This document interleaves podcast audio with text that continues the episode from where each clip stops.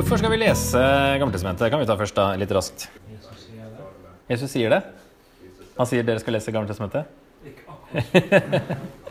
Nei, men det er helt riktig. Altså, det var jo derfor de beholdt um, at de kristne aldri vurderte å, å ikke ta med Gammeltestamentet.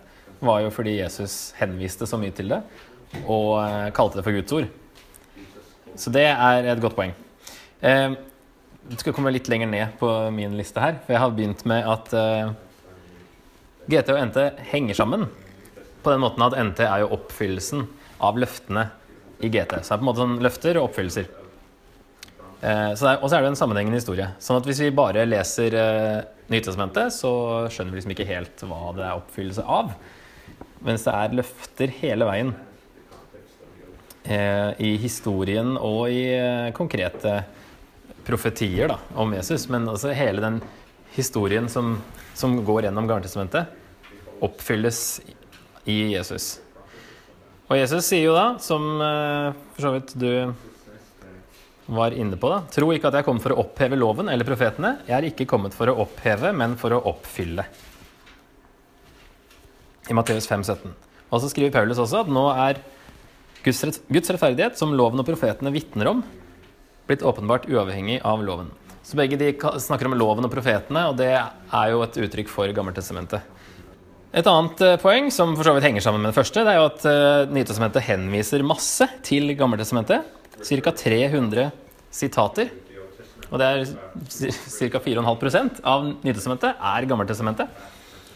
Og hvis du tar med sånne såkalte allusjoner, som ikke er direkte sitater, men sånne hentydninger, eller du henter opp et bilde eller et uttrykk, eh, så er det over 4000.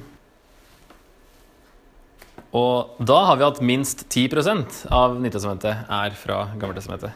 Eller er liksom Gammeltestamentet. Og så var det jo Bibelen til Jesus og de første kristne. Og de kalte det Guds ord. Og um, Paulus skriver da i 2. Timoteus 3.: Hver bok i Skriften er innblåst av Gud og nyttig til opplæring, tilrettevisning, veiledning og oppdragelse i rettferd, så det mennesket som tilhører Gud, kan være fullt utrustet til all god gjerning. Hele Skriften er innblåst. Altså Han tenker jo da først og fremst på Gammeltestamentet. Når, han, når de skriver om Skriften, selv om de da hadde en sånn progressiv eh, eh, tillegging av nyere bøker etter hvert som de ble skrevet. Så han, det kan være at han tenker på mer her, men i hvert fall Gammeltestamentet som han sier er innblåst. Altså det vil si inspirert, det er jo det samme ordet, av Gud. Og at Gammeltestamentet er faktisk nyttig til opplæring, tilrettevisning, veiledning og oppdragelse i rettferd. Så det mennesket som tilhører Gud, kan være fullt utrustet til all god gjerning.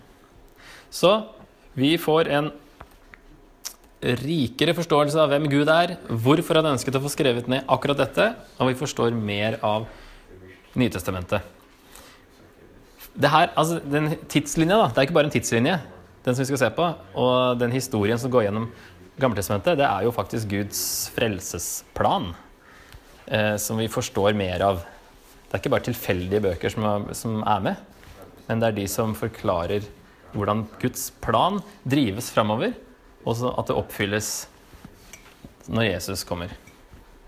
Så Jesus er på en måte målet hele veien i Gammeltestamentet ikke alltid framme på overflaten. Men eh, det er alltid den underliggende historien som, som drives fram mot, mot Jesus.